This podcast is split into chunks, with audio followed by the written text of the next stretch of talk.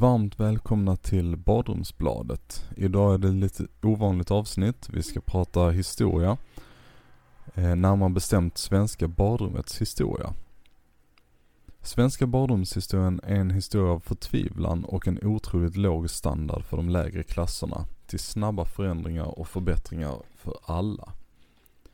Svenska badrummets historia är också det moderna Sveriges historia och hur folket lyftes ur extrem fattigdom på bara några decennier.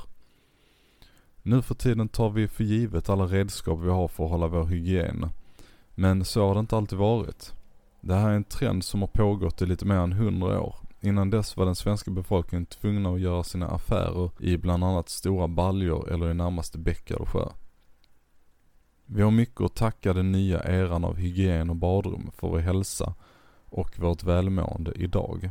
De flesta, åtminstone svenskar, har en eller en annan gång sett eller provat ett utedass. Det var det vanligaste sättet att uträtta sina behov fram till en bit in på 1900-talet. Inte ens i städerna fanns det egentligen några alternativ förrän vid 30-40-talet när installationen av avloppsrör började. Många fick dock vänta till 50-60-talet på en egen inomhustoalett och bidé. När den här trenden väl kom igång gick den dock väldigt snabbt. På 1950-talet så var badrummet en integrerad del av de flesta svenskars hus eller lägenheter.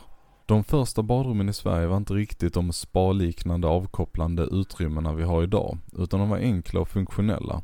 Det fanns en toalett, handfat med blandare och kanske en bidé. Badkar blev också vardag, men introducerades lite efter toalett och handfat. Om du råkade bo i en stad före denna förändringen är chansen stor att du var tvungen att lämna din lägenhet och bege dig ner till innergården för att besöka huset. Dessa bestod oftast av en bänk, ibland privat, ibland öppen, där man satte sig ner och uträttade sina behov. Man kan också säga att det var ett sätt att lära känna sina grannar lite bättre. Det handlade dock inte bara om komfort. En annan sak som verkligen började förändras var den allmänna hygienen och hälsan hos människorna. Sjukdomar som tidigare varit ett stort problem blev praktiskt taget utrotade på grund av möjligheten att tvätta sig i rent vatten i sitt eget hem. Sedan introduktionen av badrummet har vi sett en betydande minskning av dödliga sjukdomar. Det beror såklart också på att vi har tänkt mer på vår hälsa och vårt välbefinnande. Men åtminstone är jag övertygad om att badrummet har spelat en stor och kanske den största rollen i detta. Ett utdrag ur Lort-Sverige, skrivet av Ludvig Nordström 1938, Nå, vad säger du? Du har ju sett inte bara olika delar av Sverige, utan också en del av Amerika.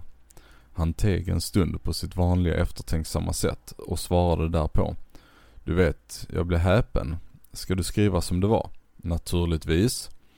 Folk kommer inte tro dig. Du vet, här i Sverige är de som tokiga. Du vet, i staterna kan man kritisera. Då säger de, well, vi ska göra om det. Men du vet, i Sverige är det annat. Och i synnerhet nu, och du vet allmänheten vet ju ingenting. De tror på tidningarna och tidningarna upphöjer ju allt svenskt till det främsta i världen. Det är sant, men jag har mina anteckningar och även om de misstänks så har jag en sak som man måste böja sig för. Teckningarna och fotografierna. I synnerhet teckningarna. Kameran ljuger men inte blyertspennan.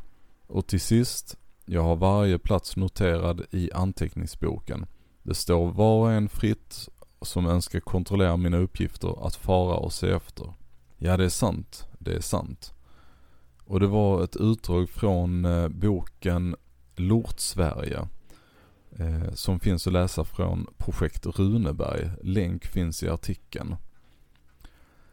Vissa saker förändras och andra inte. Medan svenskar tenderar att vara tysta om och ignorera saker som inte är så bra som de presenteras tenderar vi också att göra snabba förändringar när dessa saker väl kommer fram i ljuset. Man skulle kanske till och med kunna hävda att myndigheternas handfallenhet efter att ha pratat upp Sveriges storhet över de faktiska verkligheterna hade ganska mycket att göra med omformningen av de svenska badrummen och den allmänna levnadsstandarden.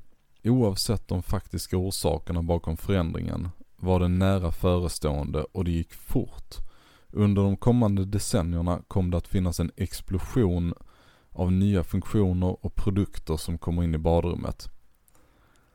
Om du vill ha mer om ämnet kan du kolla in min poddserie om badrumsrenoveringar. Glöm inte att prenumerera på nyhetsbrevet här på Substack för att inte missa några badrumsnyheter. Boken Lort-Sverige finns som nämnt tidigare även hos Projekt Runeberg. Har du några tankar kring ämnet? Jag är mycket nyfiken att höra vad du har för er erfarenheterna av utedass och eh, badrumshistoria. Kommentera på artikeln så hörs vi nästa gång. Tack för att du lyssnade. Hejdå!